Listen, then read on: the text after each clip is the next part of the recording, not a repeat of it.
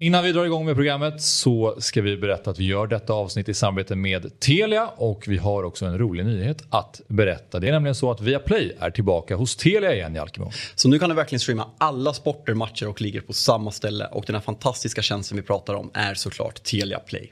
I appen kan du streama alla matcher live eller i efterhand om du så skulle vilja. Och förutom alla sportsändningar så kan du såklart se alla filmer, serier som finns hos Viaplay, Simor och Telia. Och dessutom, du kan lägga till tjänsten HBO Max utan extra kostnad. Det är bland annat den fantastiska serien White Lotus säsong 2 streamas för tillfället. Mm, den, är, den är grym.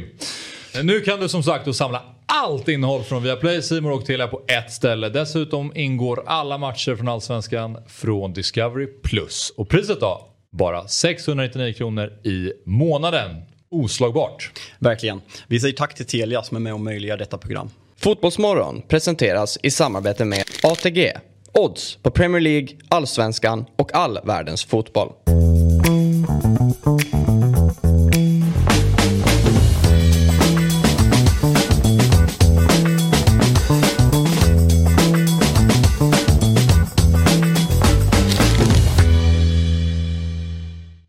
God morgon och varmt välkomna till det 100 avsnittet av Fotbollsmorgon.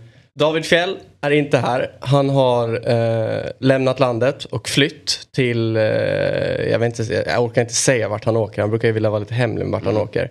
Jesper Hoffman slängde in handduken sent efter finalen igår. Han har eh, kroppsliga be- besty- Underkroppsskada. be- underkroppsskada. Ja, bra. Eller det kan faktiskt vara helkroppsskada. Precis. Skulle vi nästan kunna eh, gardera det till.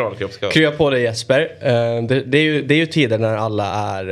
Eh, det går mycket sjukdomar. Mm. Det går väl på Jesper som har barn och dagisar och sådär. Mm. Och sen går det upp mellan alla och studsar sådär. Men du är här Robin. Så är det. Ja. Var du med? ja. Och du, har du suttit på den här platsen någon gång i Nej, det känns jättekonstigt. Ja. Men, vad, vad... Nej, det känns fel. Ja. Jag trodde nästan att du inte heller skulle komma idag för du gled in typ en minut innan inspelningen. Ja, nej, men det- Jag tänker ändå outa det. Ja, men det, det, då- det bjuder jag gärna på. Jag mår, eh, jag mår som eh, Jespers barn. Ja. Ja, men du är i alla fall så länge jag kunde. Men, men, men vi har i alla fall, för att liksom försöka kompensera upp att du och jag sitter här nu Ja. och de två inte sitter här så har vi ju, jag har ju förstärkt studion rejält. Det är A-laget idag. Ja, men jag skulle nog säga det. Jag tror också typ medelåldersmässigt att vi har den yngsta studion. Och då tänker folk så här, åh jävlar nu sitter de här BP-tvillingarna här. men så är det inte riktigt. än. Sean Sabetkar och Samuel Brolin sitter här. Välkomna hit. Tack. Hur mår du? Det är bra. Ja. Jag såg eh, Samuels ansikte här på morgonen och han såg mitt och då blev man riktigt glad. Ja. Direkt bara. Ni känner ju varandra. Jag, jag, så här, jag, jag vet ju att ni typ är i samma, ni brukar väl spela den här, ni är ju alla, ni är ju kompisar med Fabbe, Fabbe alla är väl kompisar med Fabbe typ. Men ni spelar väl den här vinterfotbollen? Ja. Är det inte så? Vinterfotbollen varje Ja. dag klockan, klockan ett. Han sa senast till mig så här, men jag gillade dig. Jag har ju alltid gillat dig Sean, för jag, jag, jag älskar ju Samuel. Ja. Eh, Jag ser honom varje gång när vi spelar matcher, blir alltid lika glad. Så sa han, outade mig nu, nu under den här vinterfotbollen och sa att ja, jag har också gillat Sean fram tills för två år sedan. Ja, Du får ju dra i den. Jag blev lite ledsen. Det var eh, min, eh, min hemmadebut för Mjällby AIF. Det är alltså min allsvenska debut på hemmaplan. Eh, och det var ingen publik, det är ju coronaåret så det är ju helt tyst på, på läktarna. Och så går vi ut i inmarschen liksom ut eh, ändå. Och så går vi över Sean då, och du vet, när man kommer ut från tunneln då börjar folk hypa igång varandra. Så Alltså ni mötte Degerfors? Ja alltså. exakt, så det är Mjällby mot Degerfors nu. Ja. Och sen börjar det bli lite tyst. Och så hör jag Sean skrika över hela, hela arenan. Onödigt högt också. Han kunde säga det någon, så skriker han Skjut på allt, målvakten är skitnervös. det var kul. Och så vann vi med 1-0 i Ölme. Han var ju bra som helst.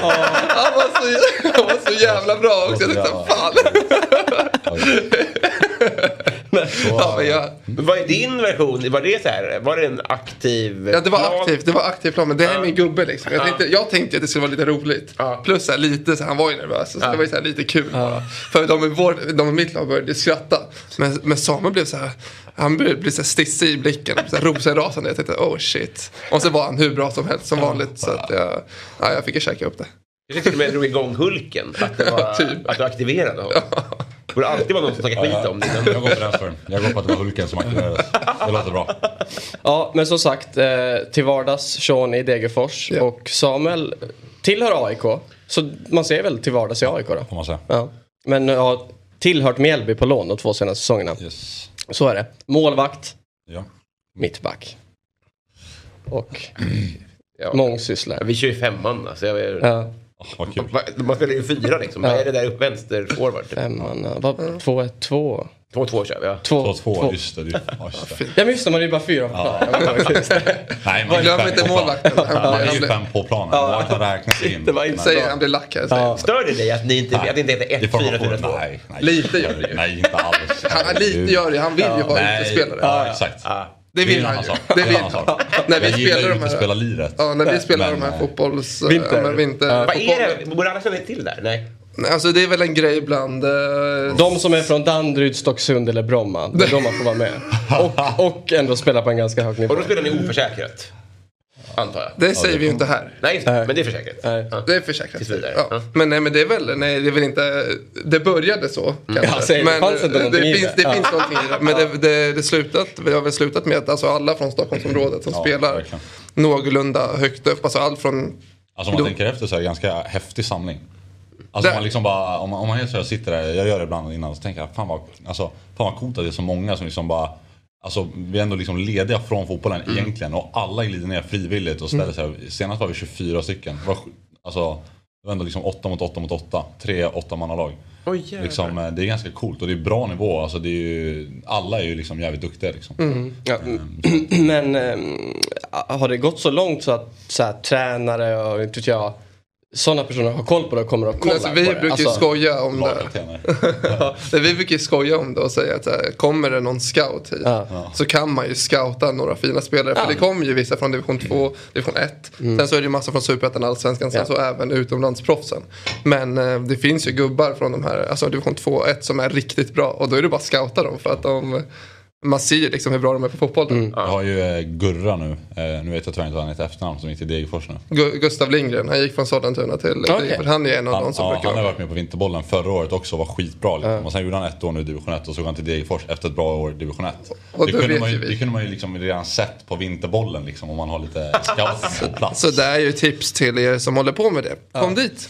Ja, eh, jag ska säga det som jag alltid säger också att efter årsskiftet så byter vi kanal här på YouTube. Nu streamar vi både på Dobb-TVs kanal och Fotbollsmorgons kanal. Men när vi är tillbaks efter nyår eh, 2023 då kommer det bara vara på Fotbollsmorgon. Så gå in där, tryck på prenumerera, tryck på klockan så man får notifikationer också när eh, vi liksom när programmet går igång. Kan man till och med kan ha det som ringklocka eller väckarklocka på morgonen. Vågar inte lita på det. Nej, Som att man vaknar av den. nej det är sant. Men det är en bra påminnelse. Eh, och eh, vi har ju också en insamling borta hos Amnesty som visst pågår den fortfarande Otto? Eh, Jag tror det går ut idag. Den går ut idag så in med pengar. ja, in och ös med pengar. Vi, jag tror det ligger en QR-kod i bild ja, som ni kan scanna av där. Och sen så ska vi också tacka alla som bidrog till vår bössa i Musikhjälpen. Den stängde ju igår. Vi har ju så jävla mycket insamlingar på gång. Jag tror vi drog in runt 7000 kronor och eh, ja men vi ska vad säger man? Vi ska lotta ut alla, alla priser. Vi slängde in en massa sidopriser också i potten. Så jag tänker att vi gör det här i början på veckan. Så DMar vi alla er lyckliga vinnare. Bland annat ett par eh, målvaktshandskar från Samuel Brolin. Yes. Hittade Som jag sig tänkte ta med till studion idag men jag glömde dem hemma kommer jag på nu när vi börjar prata om det. Mm, ja, men det är helt okej. Så att eh, jag glider förbi en annan dag och lämnar in dem. Robins böcker. Ja, visst. Är- Teologi. Jajamän, han blir med idag. Nu, det känns nästan som att vi outar Sean. Aj, aj. Hade vi frågat dig hade du helt säkert slängt in någonting. Jag jag. hade kastat in. Han är framme 500. I panik. Stress vid telefon. Lottar ut Seans 500. Men annars hade vi Fabbes paddelrack. Ja, Eh, trasigt, signerat. Nej, men, han- och sen så Jonathan Levi slängde in ett par skor som han gjorde två mål i Europa League med. Eh, 2018 tror jag. Mot- Där, jag, no offense. Eller jag, jag skulle verkligen eh, inte banga på båda. Nej. Det hade ju varit coolt då. Ja. Men också, min tjej är så otroligt trött på alla fotbollsprylar. Jag bjuder, jag bjuder hem mycket skräp liksom. Jag vet du vad du skulle kunna få då, vinna då? då? Pelles poncho från Robinson. Ja, just. Kommer ni ihåg han Pelle Lilja? Den där Nic- Nicaragua-ponchon. Den är ju med i insamlingen. Ja, ja. Jag måste bara säga att Samuels handskar, Ja. säger vi om 6-7 år, då är de värda mycket. Jo men Jo. det säger jag om allt jag bjuder hem. Nej men Alltså, det här är ändå så här, det här är toppkvalitet. Det här är liksom landslagsmålvakt och Ja. uh, utomlandsproffs. Alltså då får du fem prata med henne. Vadå? Du får prata med henne. om Ja, att det- jag- jag tar det. Att det här är en investering. Jag tar ju suttit hemma hos mig och liksom jobbar in så jag kan göra det åt mina, mina i all ära, men liksom Levi skor i Europa League två mål. Det är ganska... Jo men han är ändå, nu börjar, alltså Ja, Levi är ju en jävligt bra spelare och ännu mer en fantastisk person. Ja. Men han är ju också, han är ju lite äldre nu. Så det kanske var där han pikade. Så jag Mm. Ja, tänker så här, hans, att ta skorna, det kanske är liksom en stabil fond på något sätt. är Liksom, som, ligger där, som ligger där och gubbar. Men här har vi liksom bitcoin i. Samuel Brolins handskar. Det här är liksom en fin insamling och vi är igång till. Investeringsmöjligheter. Investeringar. Återigen, om jag ska ta min tjejs perspektiv så här. Alltså, jag, de luktar, jag, jag vet det, men om åtta år, då kommer det vara värt. Det är ju svårt. Det är svårt. Då är det ju bättre kanske med Hur bevarar man dem i åtta år då? Det Nej, i kylen typ. Och där är det ju trångt. Alltså, det, det, Det är trångt. det är Man, trångt. man säger att man ska investera i tuffa tider. Så att, Jag, jag återkommer imorgon. bara. Ja, Hur det har gått. Ja men eh, Ja, det är must, mustigt språk. Vi har väl inte riktigt berättat vad som händer i programmet idag heller. Men det är ju i alla fall, det spelades ju en final igår. I Robinson. Robinson. Det är helt sjukt. Ja, det här måste ändå vara den mest relevanta dagen att kolla på Fotbollsmorgon. Vi har inte nämnt det. Nej. Nej. Men vi kan väl hålla på, vi kan hålla på länge. om det är så. Och vi, vi ska prata om den VM-finalen som fan ska vi göra. Eh, och jag ska säga det också, vi, vi tänkte så här, okej men hur ska vi göra imorgon då? Liksom, som att många har ändå hunnit marinera under kvällen och prata med sina kompisar och skriva i chatten. Så vi ska väl ändå försöka få lite alla perspektiv på det. Så därför tänkte jag, det var därför jag bjöd in en målvakt. Kan han prata lite så? En spelare. Kan han prata lite så? En komiker. Så kan, får du det perspektivet. Nej men helt. Det, och så ska vi ha med oss en domare på länk. Höra lite perspektiv. Tess eh, kommer vara med oss. Ska vi ringa upp en tränare också. Och höra vad han tänkte. Och det är Brännan. Okej. ja. Ska vi eh, ta någonting kring finalen då? Jag vet inte riktigt var, var, man, ska, var man ska börja. Messi Goat. Ja. Det var, ja, ja det, det är han nu. men, Fan, jag, jag gillar, liksom om man ska, nu börjar jag från slutet här, men jag Ja. älskar att varenda kommentator som satt på matchen Ja. sa ju det i sändningen. Ja. Nu, nu avslutas den här diskussionen mellan Ronaldo och Messi. mm, Nu stängs den. Den är stängd.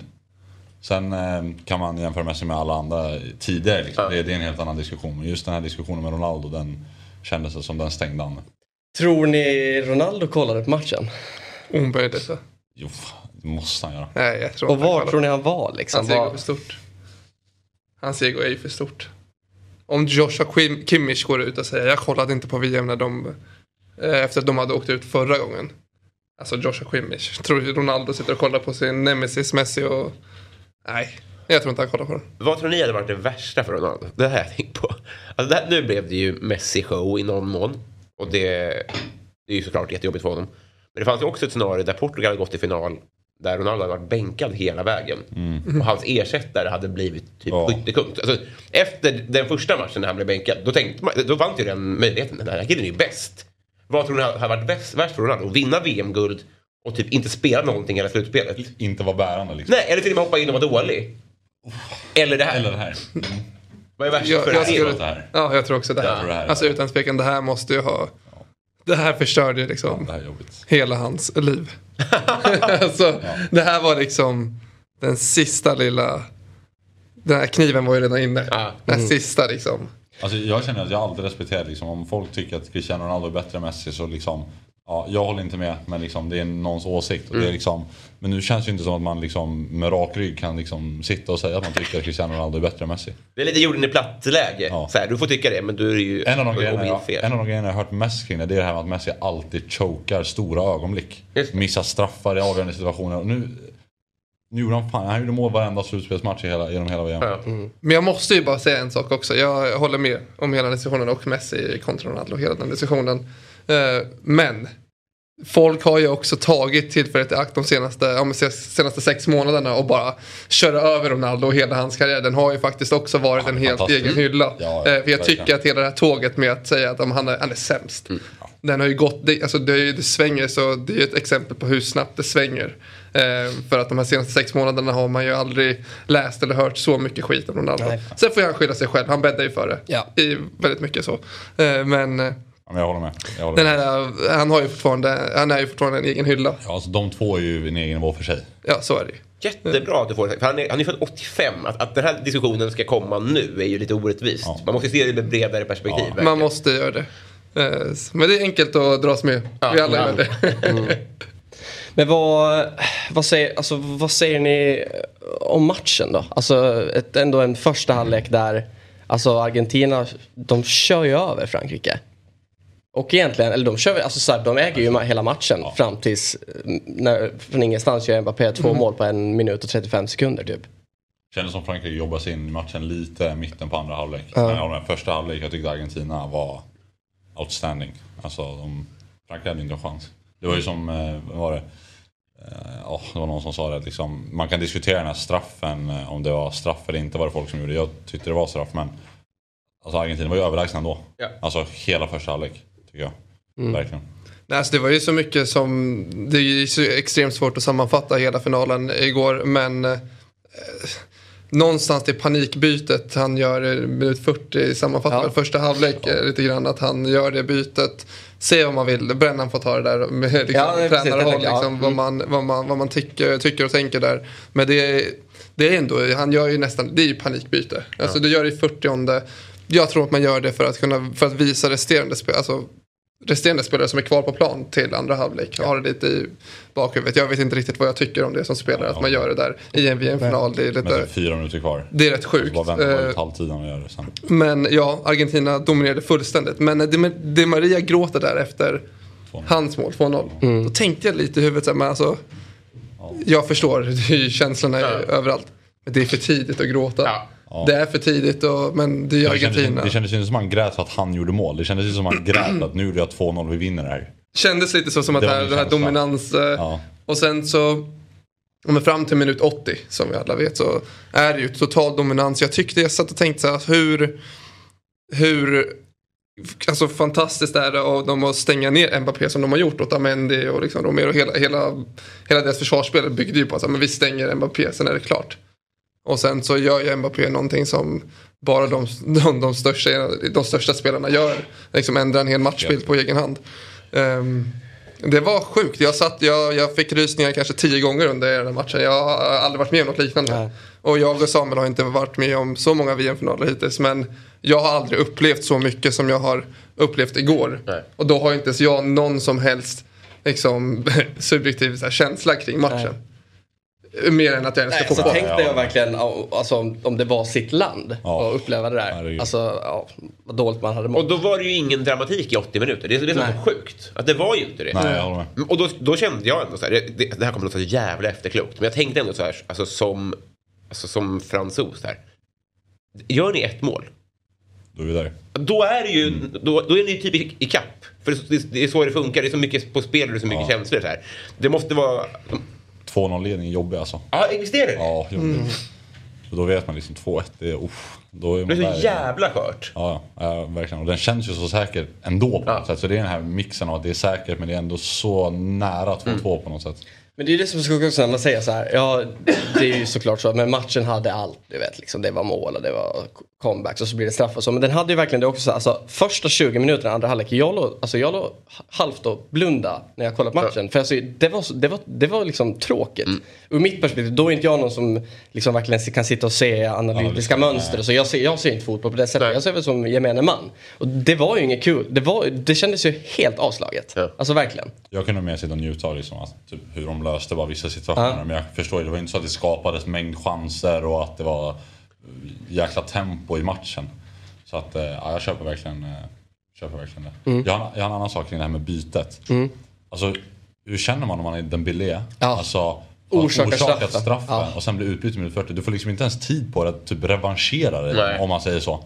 Du bara, du bara blir straffad liksom för att du gjorde det, blir utbytt så bara, ja, det här var min VM-final. Ja, nej, det är sjukt. Men det ska man lägga alltid i andra vågskålen när man pratar om alla löner och sånt där. Ja. Att det är ju den typen av grejer som ingår i jobbet. Ja. Alltså jag fattar inte, det, även om det är fel så är det ju, alltså de, det är ju det är vansinnig Utsatt, press. ja. Och där, när ni pratar om att eh, Di Maria bölar så här, alltså jag, jag vet ju inte men jag, det jag tänkte var så här, det är som press.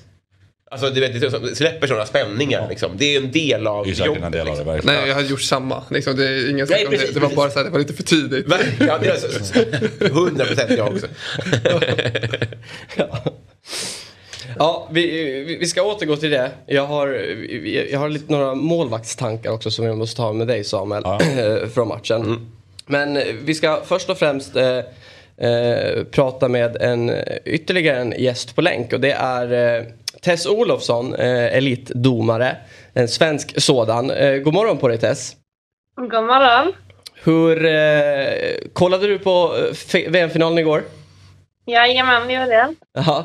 Vad, jag tänker eftersom att du som domare då vill vi ju få det perspektivet på det. Hur, eh, men kanske först och främst straffsituationen, den första då som eh, tilldöms Argentina. Det, det har ju varit väldigt mycket snack under hela mästerskapet att många har varit kritiska till att speciellt Argentina får så mycket straffar och ganska soft penalty som man får säga så. Det har varit konspirationsteorier att ah, men Messi spelar i PSG som är Qatarägt och hela den biten och sådär. Men vad, vad, vad känner du kring situationen?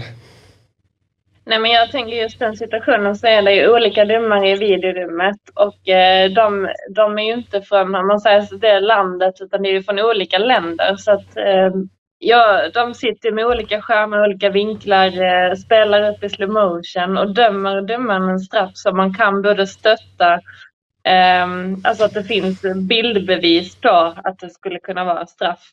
Då är det svårt för VAR att gå in i den situationen. Mm. Okej, så ja, det du säger egentligen är då att man kan släppa den men man kan också döma straff.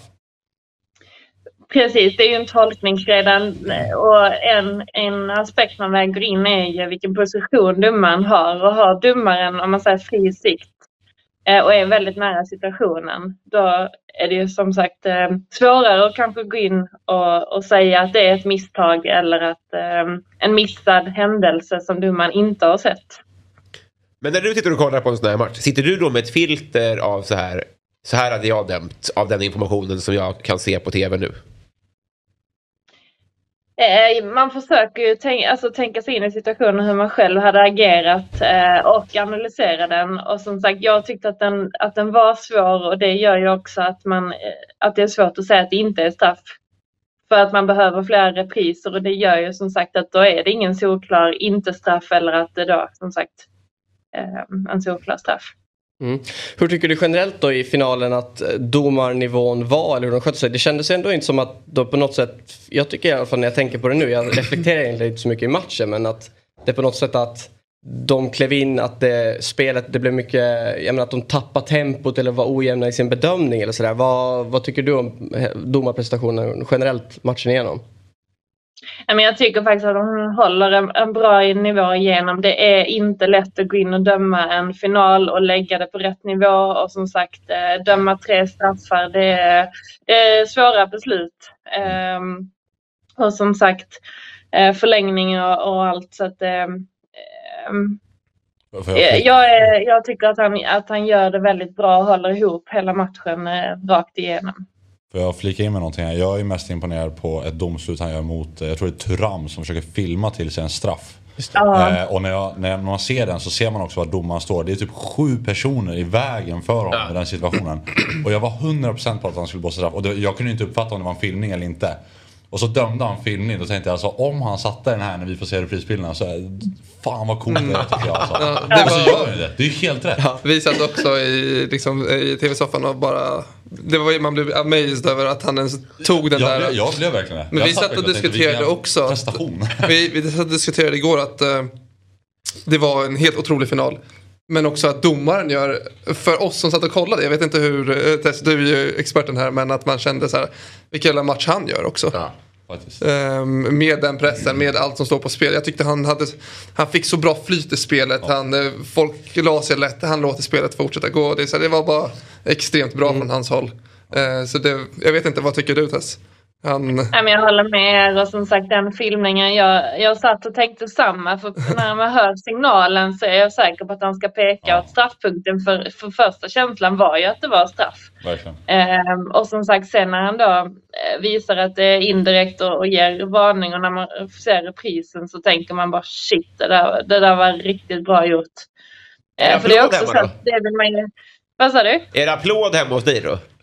Ja, det, det var uh, jubel och vågen. Som när det blir mål. Liksom.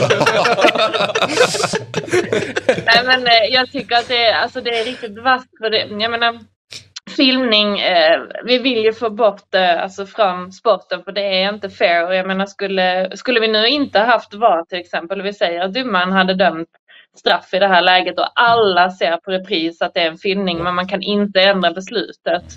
Och det, det är ju en av anledningarna till att VAR är väldigt bra och att vi även borde kanske införa det i Sverige för att vi också ska hänga med i den utvecklingen och höja statusen. Men det känns verkligen som det du sa. Med Att man i efterhand kommer på sig, som nästan jag gjorde nu också. Om när, när en domare har gjort en bra match. Då, då är det istället liksom tyst i Twitterflödet om det. Det är ju inte så att man, det är ju inte så att man såg någon expert gick in och skrev igår efter matchen Wow, så här, vilken "Uff, vilken domarinsats. Att, om domare gör någonting bra, då är det ingen som egentligen Jag är som en säger busschaufför. Det är aldrig bara jävlar vad smooth den kör. Ja. Det händer ju aldrig. Nej. Men om det liksom är hoppigt och kantigt, då får man höra. Ja, exakt. exakt. Ja. Kan du känna igen dig i det, att det är så?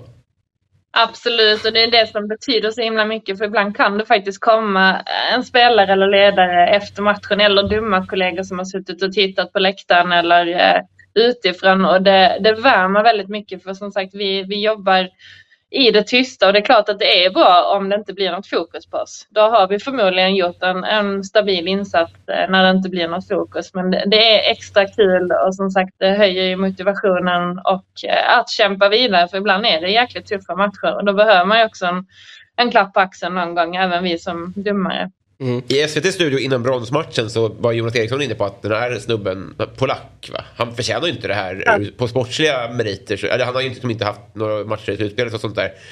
Eh, jag har liksom ingen... Men, men eh, vad har du för tankar kring det där? Alltså att, man, eh, att han fick matchen överhuvudtaget? Där är jag inte insatt i själva uttagningen och jag, eh, som sagt jag träffar eh, eh, Simon på, på kurser och sånt. Jag, jag tycker att han är en duktig domare så jag har svårt att uttala mig om han förtjänar det eller inte. Jag, jag ser bara hans prestationer. Jag ser hur han har varit på våra kurser och fystest och liknande och där har han alltid presterat bra. Ja. vad- hur ska du, eller så här, när, när, när du har suttit och kollat på mästerskapet nu som domare, när du kollar på fotboll generellt. Jag antar att du, kollar du liksom, följer du domarna mer på ett sätt än vad du följer matchen? Ja, man blir lite skadad. Ja, man, man fokuserar väldigt mycket på domarna och hur, hur de agerar. Och det är alltid från kroppsspråk till vilka beslut de gör och även samarbetet. Och, för man kan alltid få med sig någonting och, och lära sig av andra. Mm. Vem är bäst i världen? Det är riktigt svårt att säga. Alltså det, det är många, grejen är att det är många, många väldigt bra domare men att de då är väldigt olika också. Eh, så att man, man kan gilla olika ledarstilar och så. Eh, så att jag har svårt att säga en som är bäst. Fegt. Eller neutralt kanske. Kanske det. Ja. Men vad, hur skulle du säga mästerskapet generellt då från eh, ett- en domarsynvinkel? Vad, hur, hur tycker du det har varit? Nej, men generellt sett så tycker jag att, att de håller en bra nivå och som sagt det, det är inte lätt att döma ett mästerskap. Dels så har man ju oerhört mycket publik och nu har det varit i ett varmt land också som, som gör att vissa domare är kanske inte vana vid den här temperaturen och luftfuktigheten. Eh, och sen som sagt alla sina kollegor och det sitter och tittar både live och eh, på tv-skärmen så det är en oerhört eh, stor press eh, att döma ett mästerskap. Mm. Och ja, men för din del då, hur, hur, hur betydelsefullt var det att eh, Stephanie Frappart, Frappart, eller hur man nu säger, fick, eh, ja, men, hon och hela hennes team fick ju döma Tyskland, Costa Rica. det betyder ju väldigt mycket för det gör ju att hon visar ju vägen att, eh, och visar andra att det är möjligt. Och det är klart att det inspirerar väldigt mycket. Man känner väl att det hade varit jäkligt kul att, att kunna göra samma sak själv i framtiden någon gång. Mm. Ja precis, så jag menar för de eh, tittarna som du har gästat oss här förut men du har ju dömt väldigt mycket i Superettan i år. Vi, vi i alla fall, alla här hoppas få se dig i Allsvenskan i år. Kanske dömer Samuel och Sean här. Får jag, ja, får jag bara säga en sak? Att du, din första match som du dömde i Superettan var ju Västerås SK och Akropolis. Då spelade vi Jag båda den det, matchen. jag tänkte, sant? Eh, och, eh, Det var ju min match. Ja, det var, det var våran match Just det, och ja. vi båda, det är rätt sjukt att vi sitter här nu att du är här. Men måste ge dig credit. Alltså, jag, jag blev imponerad och jag är imponerad av dig och tycker att du har en otroligt bra liksom, domar, domarstil och liksom, sättet du pratar med spelare. Eh, uppskattas av oss alla. Så det är kul att vi sitter här, här idag. Ja, tack. ja, det var man verkligen. Vi får se. Det har varit jäkligt kul men det är bara att jobba vidare. Det är inte... Det är prestation och fysik som bestämmer. Det är tudelat tycker jag. för Man vill, att, man vill dig allt gott men det känns som att om du blir världens bästa domare så kommer vi aldrig få tag på dig. Nej, det är sant. Jag, vet Jag lovar, vi kan väl göra den dealen. Om jag skulle bli det så lovar jag att ställa upp på fler intervjuer. Det skakar vi på. Om du hade dömt VM-finalen i, i, i liksom, då ska du vara med morgonen efter i Fotbollsmorgon nästa mästerskap då? Eller det mästerskapet Ja, men du det gör är klart att man kliver upp och gör det. Bra, då säger vi så. Vad skönt Ja. Ja, vi hoppas i alla fall se dig eh, på hög nivå eh, framöver så, så hörs vi kanske igen någon gång när säsongen drar igång i vår. Ja, men det gör vi. Tack och god jul på er. Detsamma. God jul. Ha det bra. Men du, eh, det, det har jag tänkt på så länge nu när vi har det här som är målvakt. Eh, Straffarna nu för tiden. Alltså, det, ja, men, nu kommer man ju inte undan som målvakt och göra som till exempel Dudek gjorde i Champions League-finalen 05. När han, alltså om man ser de bilderna idag, när han står och hoppar på linjen. Alltså, när, Han är först fram till bollen. Ja, men, ja, alltså när Pirlo som slår straffen, alltså han är utan att överdriva en och en halv meter ja. framför linjen. Så han, kan, han behöver ju inte slänga sig, han gör ju bara så här för att ta bollarna. Nu är det ju, det händer ju såklart inte och om det händer så går ju VAR in. Men det, det känns ju verkligen som att en grej nu att när man ser prisen att varje målvakt, de är ju ändå att man har hittat en teknik att man är ganska långt fram men man har liksom bakbenet bak, ja. så man liksom kliver ett litet steg bak och så slänger man sig. Men det räcker ju att ta en fot på linjen. Exakt, Om ja. du kollar typ Martinez, alla gånger han kastar sig så har han liksom, om han kastar åt höger då har han vänsterfoten på linjen. Högerfoten är långt fram och sen så kastar han sig liksom snett framåt bara för att skära vinkeln Ja. så mycket som möjligt. Det är ju som ett split step och så drar man. Men eh, alltså, är det någonting i målvaktskretsar, har det där blivit naturligt? Eller är det någon grej som Det är alltså... ju egentligen så vi kastar oss. Ja. Alltså egentligen. Ja. Man sätter liksom det stödjebenet framåt. Ehm, så att det är väl kanske bara att man är mer noggrann om att man verkligen har andra foten på linjen. Men jag tror inte liksom att han står i VM-finalen och tänker nu ska jag kasta mig med vänsterfoten bakåt så att den är på linjen. Alltså, Nej, men... Men har du samma stödjeben oavsett vilket håll du slänger åt? Nej, nej alltså om jag kastar med vänster så blir ju vänster min tryckfot där jag trycker. Men Kastar är jag det det höger som så spelarna jag kollar på när man springer Det- fram? När man väntar ut målvakten? Är det liksom stödjeben när man Jag jobbar? vet faktiskt inte vad de kollar på. Jag tror bara de kollar på kropps... Ja, Ja, alltså, på väg lite och sådär. hållningen. Lite sådär. Men eh, Fan vilken clue annars. Om jag ser på vilken, vilken fot kliver han fram. Då är du alltså åt... ja, alltså, jag, jag skulle ju aldrig någonsin om jag står med båda benen och så säger att jag tar det här klivet fram med vänster. Alltså jag, det är i princip omöjligt för mig att kasta mot höger. Men det, är ju, men det är ju lite som, så gjorde ju egentligen Loris på Messis andra straff när han bara rullade den. stanna. För han står ju ändå kvar men han har ju Ja. lagt tyngden på fel fot. Så även fast den rullar ganska sakta bredvid, det går ju inte liksom. Det är ju som någon frispark när man, var det Rashfords frispark? Jag kommer inte ihåg ens vilka England mötte då när han också la tyngden fel. Så sitter den ju ganska enkelt Ja, okej. i målvaktens egna hörn. Jag vill bara säga att jag fick ju i alla fall min tes bestyrkt här eh, som jag satt i Fotbollsmorgon och sa Ja. att Hugo Lloris är världens mest överskattade målvakt. Ja. Den tycker jag att jag liksom fick... Eh, Verkligen. Du hatar honom. nej, men jag tycker att han är en överskattad fotbollsmålvakt. Vad- säger du om eh, Emi Martinez då? Eh, ja, nu är det ju din uppgift här att bjuda in Brännan. Ja, men alltså, men Brännan här har ju han bra inside. Brännan Ja. har ju bra inside på Martinez va, som man kan eh, dra Jaså? Men eh, han, eh, jag tycker att han är skitbra. Ja. Eh, och jag är Arsenal-fan. Eh, så att, jag tyckte att han var bra redan på, på den tiden när han inte fick stå hela tiden. Men när han ändå gjorde sina Förstärks framträdanden. inte, så- förstärks inte allting med hans historia också? Att man bara tycker ännu mer om honom? Jo. Men, men, jag, men vadå, okej, men jag tänker på, men om man tar räddningen då, han gör i 123 Alltså, den- den är- minuten. Den är Hur, helt sanslös. här. Dock, dock så har jag lite svårt för sådana räddningar där du egentligen bara går ut och det stor och så blir du träffad. Men det blir så snyggt när du blir träffad långt ut på kroppen. Hänger ni med? Alltså om jag går ut och gör mig så och så träffar den handen eller foten. Det blir så snyggt då. Ja. Och den är ju, den är ju brutal. Viktigt där. Alltså den är, den är helt sjuk. Och det kom ju en sekund. Alltså det, det, det är ju störda sekunder där. Det är Ja. två av matchens bästa chanser typ inom 12 sekunder åt varsitt håll i, i sista minuten. Ja, den är riktigt sjuk. Ja, ja den är helt eh, sanslös. Är det någon mer situation som du minns som var avgörande? För de, jag tänker ju på straffarna och på den framförallt. Alltså i VM-finalen? Ja, precis. Eh, nej, men det var, det var någon som poängterade Australien-matchen, Argentina-Australien, vi går långt tillbaka så gör ju han en monsterräddning också i sista som händer. När Australien, när det står 2-1 så får ju Australien ett till läge där. Just det. Och han, likt finalen nu, går ut och gör sig stor så blir han träffad på armen Ja. och räddar den. Så att han har ju några sådana räddningar under VM så att eh, han, eh, han är ju faktiskt också en bärande faktor till att de, de gick så långt och tog det hela vägen. Ja. Inte minst straffläggningarna. Tufft för Olsen. Ja, exakt. Men jag tänkte på med Acuna också, alltså Augustinsson och jag tjatar om det, men deras flyttar alltså. Ja. Vad trodde de? Nej.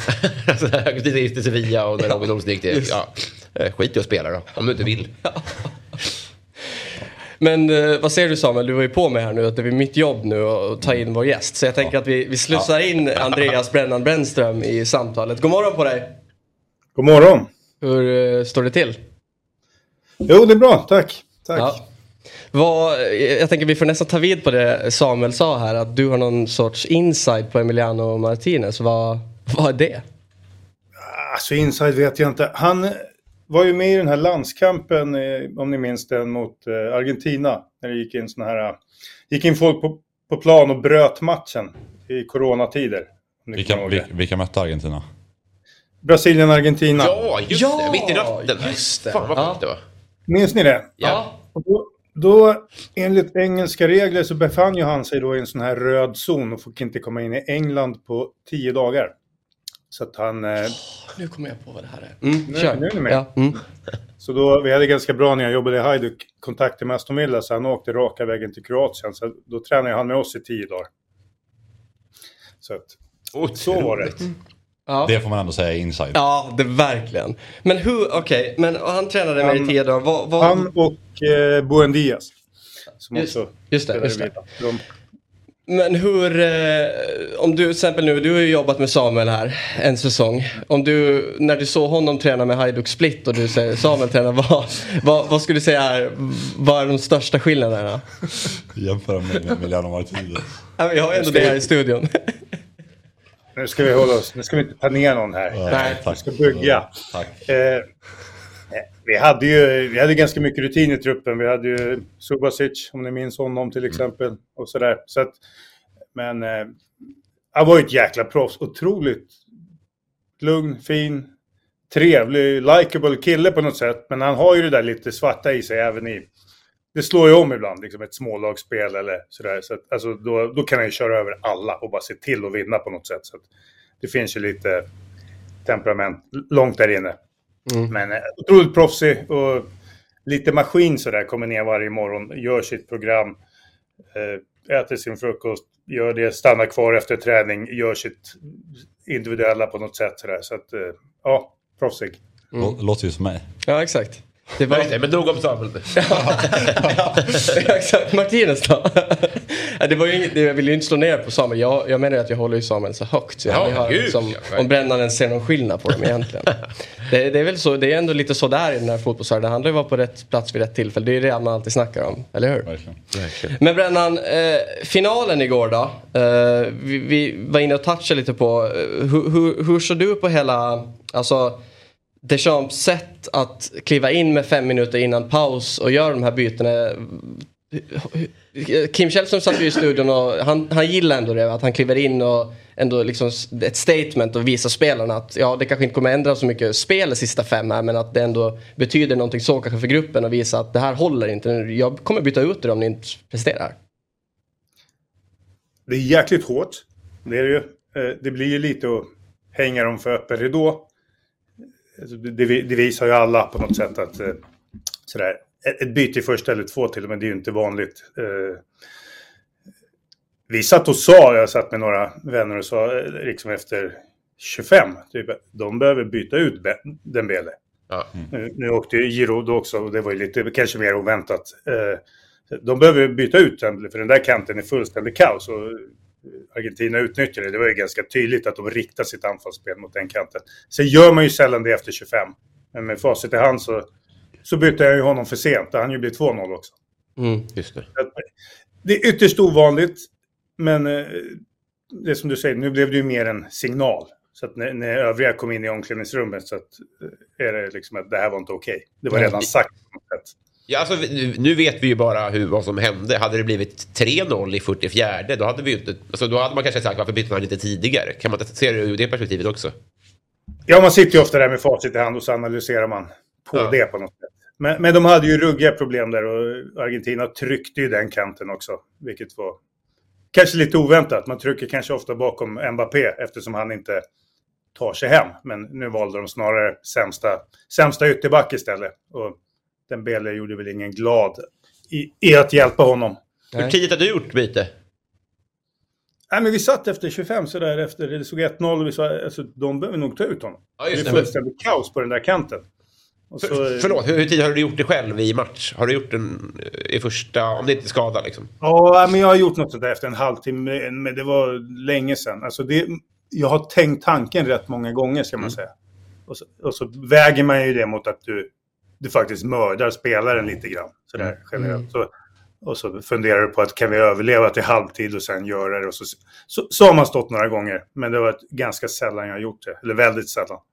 Men eh, att, att han behöver göra de här bytena i 40 minuten, hur, hur ser du på det? Alltså ser du ändå att du kan hylla honom att han kliver in och gör en förändring så tidigt? Det är ändå en VM-final med all press. Eller ser du det mer bara som ett misslyckande och att han egentligen har klivit, approachat matchen helt fel? Ja, det, exakt. Är man tränare får man nog eh, rannsaka sig själv där också. Så att behöver du göra ett så tidigt byte så var du nog lite fel ute från början. Så att jag lutar nog mer åt det. Så det är klart, då får du rätta till det. Men, men det blir inget bra. Hur, men vad, vad tycker du om eh, finalen? Eh, Jag menar, till exempel om jag sitter och kollar på matchen som inte Eh, har, har de delarna och spelförståelsen och analysen i mig. Då tycker man ju bara, ja, men vilken fantastisk final det var. Det blev 3-3, det blev straffar och liksom maximal spänning. Hur, hur tyck, tyckte du den var välspelad?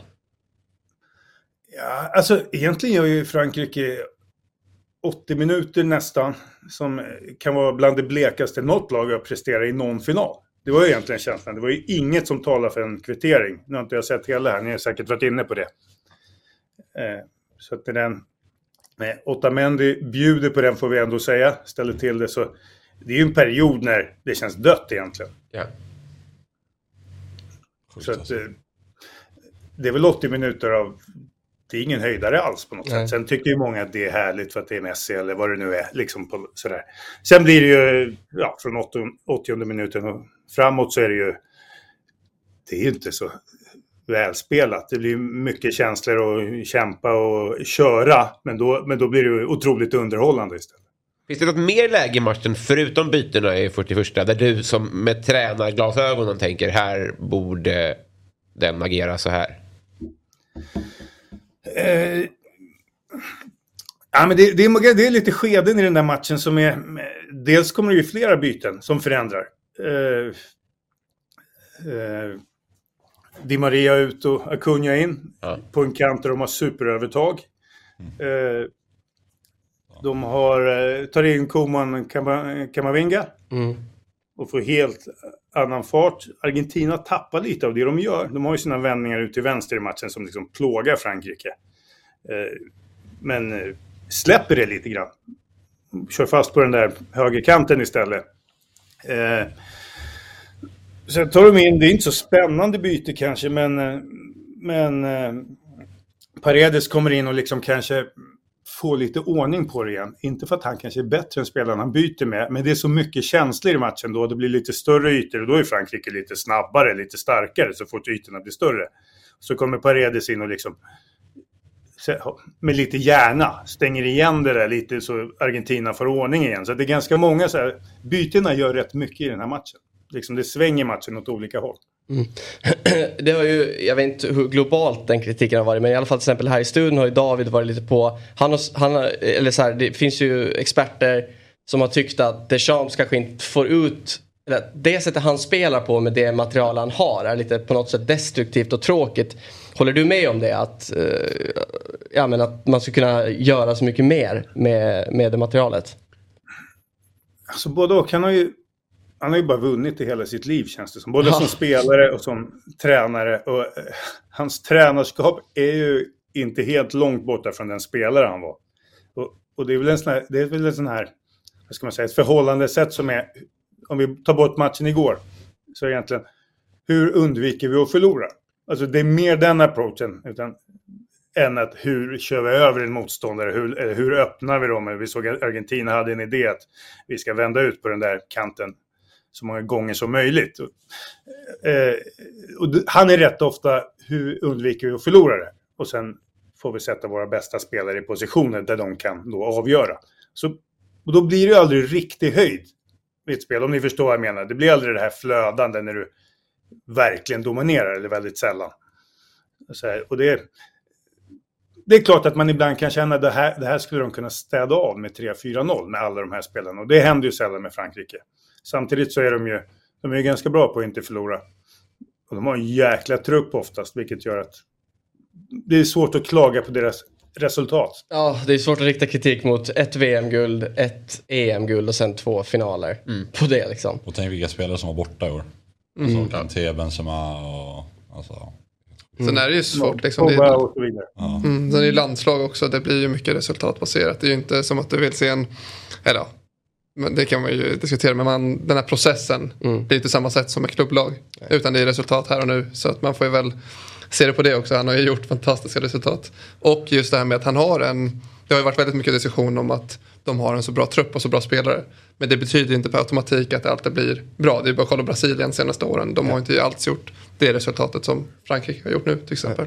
Men det där tycker jag är intressant med landslagstränare kontra klubblagstränare. För det kommer ju alltid en diskussion om så här, ska Mourinho ta över Portugal? Ska, alltså att man har det på som någon slutdestination typ. Men skulle det inte, det får, alltså, jag har bara tänkt att skulle man också kunna tänka att det finns ett vägval i karriären? Att man bestämmer sig typ när man är i början av sin tränarkarriär att det är dit jag ska sikta. För det måste vara helt olika jobb tänker jag. Hur ser du på det? Du tänker eh, landslagstränare eller allmänt? Ja, precis, kontra klubblagstränare. Jag tänker mig att det skulle kunna vara helt olika jobb. Om man är så pass bra ja. att man kan få ta ett landslag så skiljer det sig jättemycket ja. mot klubblag. Ja, men exakt, du har ju så lite tid så att där väljer man kanske oftare att vara en tränare som du har några dagar där innan VM på något sätt. Så vad gör du? Alltså, det är rätt så många då som på något sätt i de här korta samlingarna sätter någon form av basic på något sätt. Där får vi säga att Deschamps mm. befinner sig. Att välja en svårare väg, det har ju några gjort med framgång om vi tar gamla Spanien eller Tyskland. Men då har du också haft extremt stora block från två klubbar. Då kan du göra lite svårare saker. Sitter det fem från Barca och fem från Real i samma lag eller stor klump från Bayern München så det är lite lättare att göra svåra saker på kort tid. Men annars är det ju, vi kan ta Marocko nu de gjorde ju samma sak. Det är extremt basic på vissa sätt. Sen har inte vi förväntningar på dem, så vi tycker det är fantastiskt. Men de valde ju också egentligen samma väg. Basic och så sina bästa spelare i lite hyggliga positioner för att kunna avgöra. Så jag förstår kanske att man tar den vägen i större utsträckning om man, är, man har lite tid och man har ett landslag. Om ni förstår vad jag menar. Mm. För jag menar, det, den diskussionen har ju varit ganska mycket med typ Pep Guardiola. Varför inte han lyckas till exempel vinna Champions League. Eller han har inte gjort det ännu med City. Men att över en säsong med hans sätt att spela då kör han ju oftast överallt. För på sikt då när det är så många matcher då kommer ju hans sätt att spela och idé och genialitet vinna. Men ett mästerskap så det kan ju vara liksom ett individuellt misstag eller en briljant, alltså en aktion som kan avgöra allting. Så alltså skulle du säga att alltså mästerskapen går lite mer åt att det faktiskt handlar om att riskminimera mer än att gå för det? För det känns ju ändå som ja, men... att Brasilien också, visst nu hade de någon, någon, match när det var liksom show. Men det känns ändå inte heller som att Brasilien och kanske de sydamerikanska lagen som man förknippar med det ska vara liksom bollen bara ska rulla och flöda och det ska dansas på planen. Att det är inte riktigt, alltså fotbollen spelas inte på det sättet nu. Nej, exakt. Men man väljer bort de där sista procenten där det kan bli alldeles, alldeles briljant om ni förstår vad jag menar. Men det är rätt mycket jobb att få till det på kort tid och då, ja, då når man inte den höjden på något sätt utan då, ja, då men, håller man i, i resten. Jag vet inte vad du, vad du säger om det här men Scaloni var väl den, den tränare som visade någon form av så här, taktisk flexibilitet inför en match när han bytte till trebacken mot Holland. Um, det tycker jag är rätt så här, anmärkningsvärt att de inte är jätte så här, taktiskt flexibla de här landslagen. Vad säger du om det? Ja, men det, går ju, det går ju i större utsträckning, även om det är också svårare. Du har inte mm. lika mycket tid och sådär. Men, men, han, jag håller med dig, han, han var ju generellt i byten och allt under VM jäkligt aktiv och förändra både mm. mellan matchen och under matcherna. Det är rätt coolt bara med tanke på hans bakgrund och att han inte egentligen är en eh, större tränare så. Eh, Så att det är väl ja, men kul att de lyckas vinna med det också. T- Sen finns det ju de som har liksom eh, andra teser, teser än det som kanske är så här analys och man tänker så. Det är ju, Christian Borell satt ju, har, har ju sagt här inför att det krävdes att Maradona skulle gå bort för att Argentina skulle lyckas vinna ett mästerskap igen. Kan du, kan du liksom ta till dig en sån eh, ingrediens också i det eller är det bara befängt? Bra fråga. Det, han är bättre än jag på att analysera alla skeenden runt sådär. Så att det är svårt att säga. Det, det man kände med Argentina var att det var otrolig press på dem. Och så den första förlusten i första matchen. Och rätt trögt. Det andra, de möter Mexiko. Alltså, de har ju levt med en rätt tung press på sig. Det var väl liksom landsdepression. Den var ju nära på något sätt efter första. Mm. Sk- hur skulle du säga då, många säger ju nu att det här är kanske den bästa finalen som någonsin har spelats i ett världsmästerskap. Eh, Håller du med? Ja, det, beror, det beror på hur man ser det. Det blir ju det ju jäkligt... Ja, Jag kom på mig själv, men jag brukar vara ganska lugn vid sådär matcher. Mer sådär faktiskt få känslor. Alltså, det är också en ingrediens. Sådär, Om jag är hyfsat neutral och så sitter jag till slut och, är, och ropar ut saker. Alltså, då, då har ju matchen någonting. Och det var ju där från den här 80 minuten fram till 123 eller vad det var. Ja. Så, så händer det ju så mycket så att man... eh, Det är också en ingrediens. Så sett du det så är det nog kanske den bästa. Kan du förklara hur det kan bli sådär? För det, jag är så himla van vid, vid skeendet att det är match i 90 minuter men sen är det tillknäppt i förlängningen för att ingen vill släppa, till, släppa till mål. Liksom, för att det är så det ska vara. Här blir det exakt tvärtom. Det var ju superöppet i... Eh, från att, Mm, jag efter, efter kunde. liksom.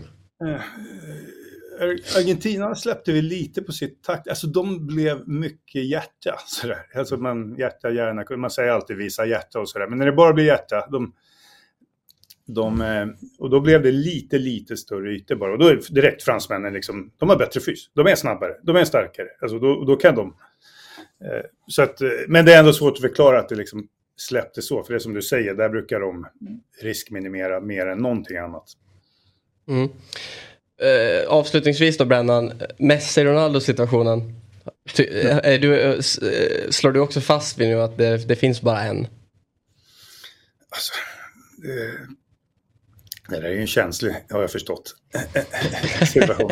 Men, men generellt ja, alltså om, om du tar de två, det finns ju andra i historien, men, men så har väl han, han har väl uppnått, sen kan man ju tycka att det är lite märkligt att en, ett VM har ju så otroligt stor impact på något sätt.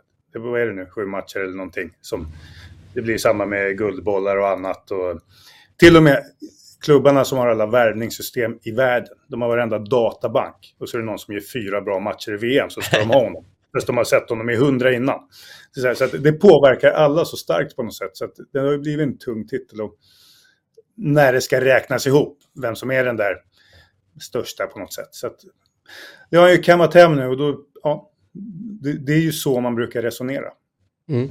Ja, grymt. Tack så mycket eh, Brennan. Eh, Ha en eh, god jul säger vi så hörs vi framöver. Ja, detsamma. Kul att se er. Ha det bäst. Vi måste väl också avhandla den här ceremonin efter då. Den här rocken som Ja. Messi blir klädd i. Hur... Det känns som att det var uppgjort innan. ja, Ja, ja. Eh, på något sätt. men Ja, för, alltså förstör det inte hela... Är det Adidas på den till och med? Eller är det Nej, nej, det är Jag, en tröja. jag, Ja, tänkte att det var myggnät först. Det var någon sån grej. Men sen ser man att han har ju samma den här snubben. Ja. Alltså jag menar så här, det, det är ju liksom en av de mest ikoniska bilderna när han lyfter pokalen så har han den på sig. Alltså jag vet inte. Eller så kanske man inte ska bara skita i det. Men All- jag tycker det förstör hela Alla kommer ju bilden. bli påminda om att det var VM i Qatar Ja. han vann. På grund av, Ja den här emiren han gör ju det bra. Ja, alltså, det får man ju lov att säga. Verkligen. Han är smart. Men det tänkte jag också på med, det var snack innan, jag nämnde det där med att Jonas Eriksson eh, sa att domaren inte förtjänar den här matchen och sånt där. Alltså, och det var Johanna Frändén som skrev det på Twitter tror jag, den stora vinnaren här är ju Qatar alltså. På så himla många sätt. Att domaren gör en så bra match, att det blir den bästa finalen någonsin. Att Messi som, alltså, oavsett om det är pengar inblandat eller inte, så är ju han ansiktet utåt så himla mycket för den här satsningen. Och att han får lyfta den och sånt där. Det är så otroligt... Alltså, ja exakt, men det är så jävla jackpot sport, sportwashing så det finns inte alltså. Det måste vara dröm, drömupplösningen för dem. Alltså. Det är ju en, eh, jag läste, jag vet inte om jag uttalar rätt, men det är en bärst, som han har på sig där. Okej. Eh, jag, min första tanke var när jag såg det, var så här, okej vad fan, PR-trick.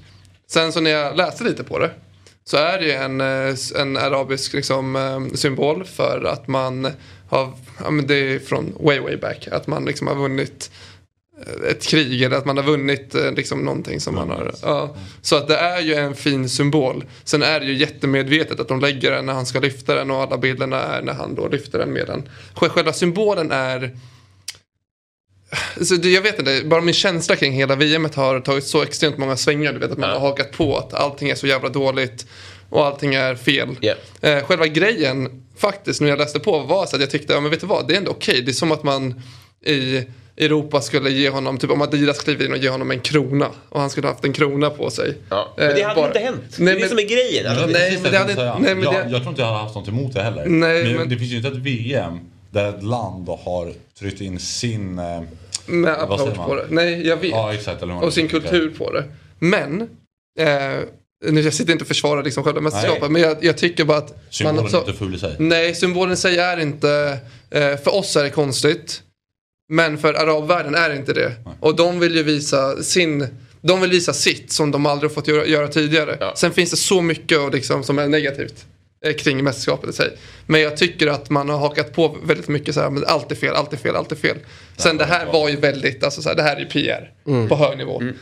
Men jag tycker att det var en, det är en symbol som är fin och från deras kultur som faktiskt betyder någonting. Som inte är något negativt. Så att eh, jag hakade själv på så här, fan jag tycker vad är det här för skit. Men när jag läste på så här, vet du vad?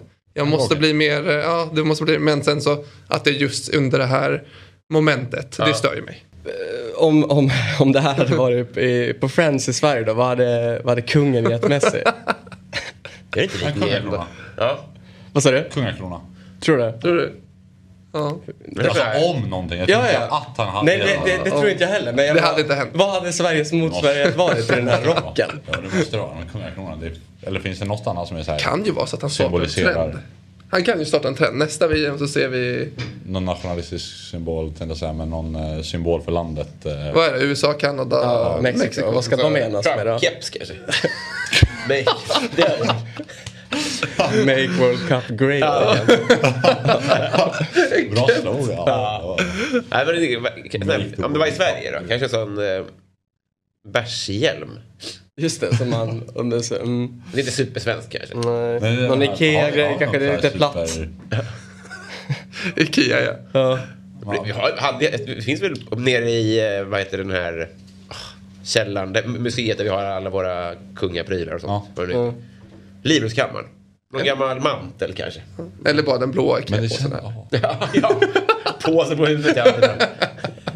Ja, jag, jag tänker verkligen att det är kungakrona av någonting. Ja. Det måste det vara. Det finns ju inget annat som är så här en symbol på något sätt i Sverige. Nej. Nej, verkligen. En, en annan grej då som jag också tänkte på. Det här med när Messi, när de, när de gick runt sen efteråt när Messi satt på axlarna. Och, jag menar, det blir ju exakt för, så man får en likadan bild som den med Maradona. Mm. Men alltså förstör det typ inte på något sätt också att det är Agüero han sitter på? Också att Agüero är nere där på planen. fel. Ja, men han har ju inte spelat i matchen. Jag, Såg inte. när Aguero tror sprang vi har på bild på planen det. och springer fram till Messi. Och liksom Messi hälsar ju på alla, alla ska ju fram till Messi. Ja. Och Aguero ger den här, de är ju bästa vänner, hälsar. Och sen vänder sig Messi om oss, så står Aguero bakom Messi så här, väntar på att han ska vända sig om och prata med honom. Han har ju på inget tid så Aguero bara går efter honom och så här, väntar på att de ska Han prata. tog vara på det fint alltså. Han tog vara på det jävla, fint. det ser så skevt ut. Och så på Jag tal, medan vi väntar på tal om folk som springer in. Han eh, eh, Nusret, han eh, Ja, det ska vi störiga också Southbay. nämna, ja. Att han springer in och är störig som fan. Hur ovärdigt är inte det? Ja, Ja, och han typ såhär, har ni sett, det är två videos som jag tänker på. Han En med, hålla i VM. ja, en På är med, Di, en är med Di Maria. När Di Maria står lite så halvt obekvämt så här. Och han bara tar den och så här, jätteglad. Och sen så en när han, har du sett den när han petar på Messi? Nej. Messi står med ryggen mot, Ja. så står han bakom så här, han rycker typ i Messi så här. Och Messi kollar bak och så kollar han så här, vad fan är du? Och så bara fortsätter han och rycker i honom. Det är så jävla stökigt Ja, alltså. Störigt. Men det här med Salt Bay är intressant. För att som du säger, det finns ju alltså regler för vem som får hålla pokalen. Det är tidigare vinnare, det är eh, Fifa staff typ. Eh, och sen så, var, så, så såg jag att någon kritiserade det, att han håller pokalen. Och så var det någon som bara, hur förklarar ni då den här bilden på när Rihanna håller pokalen? Men den där byts ju ut. I omklädningsrummet kommer ju Fifa och byter Ja, ut den där mot Så det är en skillnad på replikan. Ja, den får Rihanna hålla. Men att han håller originalet, det är ju svinstört. Jag hatar den där mannen, men det är ju konstigt på riktigt att han får Ja, hålla i den. Det är stökigt. Hur kan han ha så lång brintid? Att Ja, alla fortfarande vill åka dit. Nej, det alltså.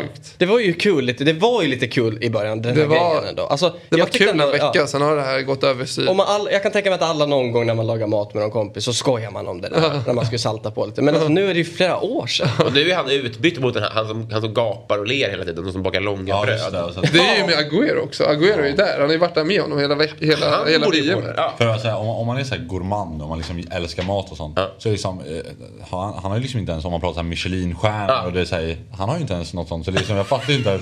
Alltså, det skulle liksom inte ens vara så här superklassmat. Han är ju Per Moberg typ. Alltså, han är ju en TV-kock den här Det är snubben. ju coolare att gå på Franzén och äta. Ja, verkligen. Och det är ju coolare att träffa Samma Per, pris. det är ju coolare att träffa Per Moberg än honom. Ja. Ja, ja. Ja. Ja, men okej, när vi Men ändå Per tog... Moberg hade blivit, han blivit halshuggen om han ens gick in på plan. Tar VM-bucklan från Messi. Fina Per Moberg. Moberg. Helvete Men apropå parallellerna då, liksom med han emiren och kungen här. Om, om, om Sverige, det här var i Sverige, då, Ja. vem hade varit motsvarigheten till eh, Men då är det ju- är det, är är Moberg? Eller? Ja, eh, Mannerström kanske. Ja. Sen så är det Leif. 90 år. Ja. Hade, hade inte ens, det känns ju som att bara de, Leif te- Peter sändande tv-bolagen hade slängt in Tarek Taylor där också. Ja, antagligen. Han antagligen. hade ju hamnat där. Leif, Leif petar på Messi på Och ryggen. Peter Fia. Men han är ju såhär, alltså det, det är för att Leif är dement, han inte vet var han befinner sig någonstans. Han petar av en annan anledning. Han vet inte vad Messi är. Jag Flytta på dig. Jag ska göra sås. Messi kommer där med sin krona. Eller Ikea på.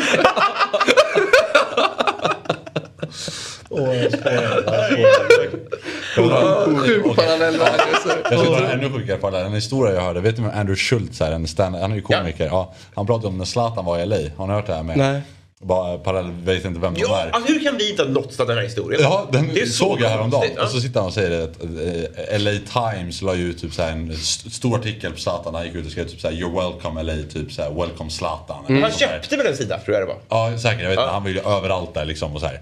Och då hade ju LeBron James skickat en tröja till honom. Typ så för att välkomna honom till USA. Vet du vad historien säger då alltså? Att Zlatan signar tröjan och skickar tillbaka den till LeBron James. Nej, nej.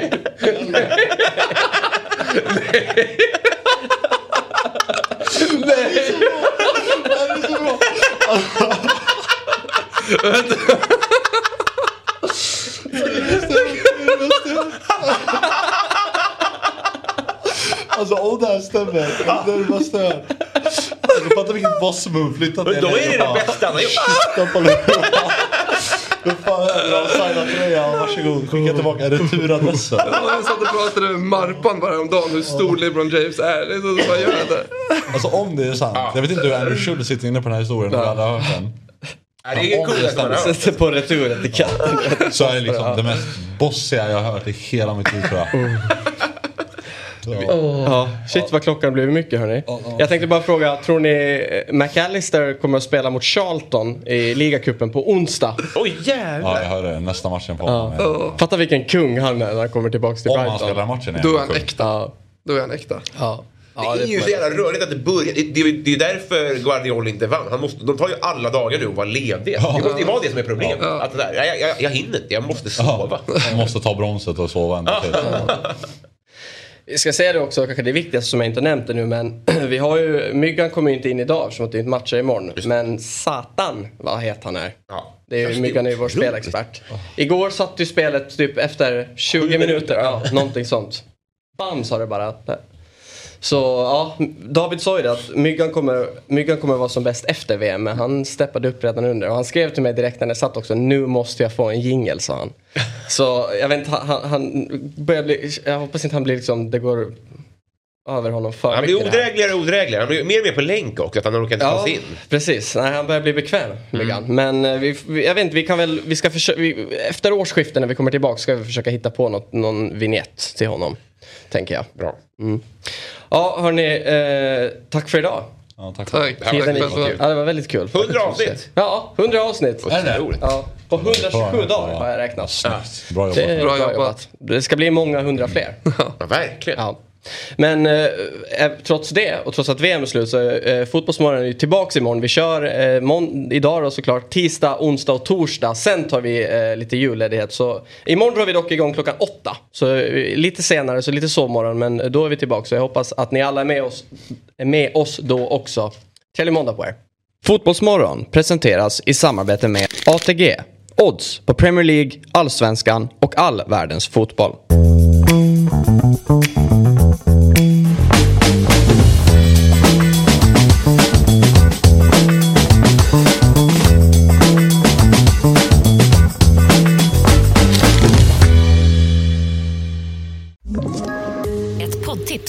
Podplay.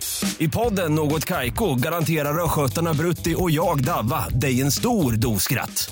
Där följer jag pladask för köttätandet igen. Man är lite som en jävla vampyr. Man har fått lite blodsmak och då måste man ha mer. Udda spaningar, fängslande anekdoter och en och annan arg rant. Jag måste ha mitt kaffe på morgonen för annars är jag ingen trevlig människa. Då är du ingen trevlig människa, punkt. Något Kaiko, hör du på Podplay. Därför är gardinerna.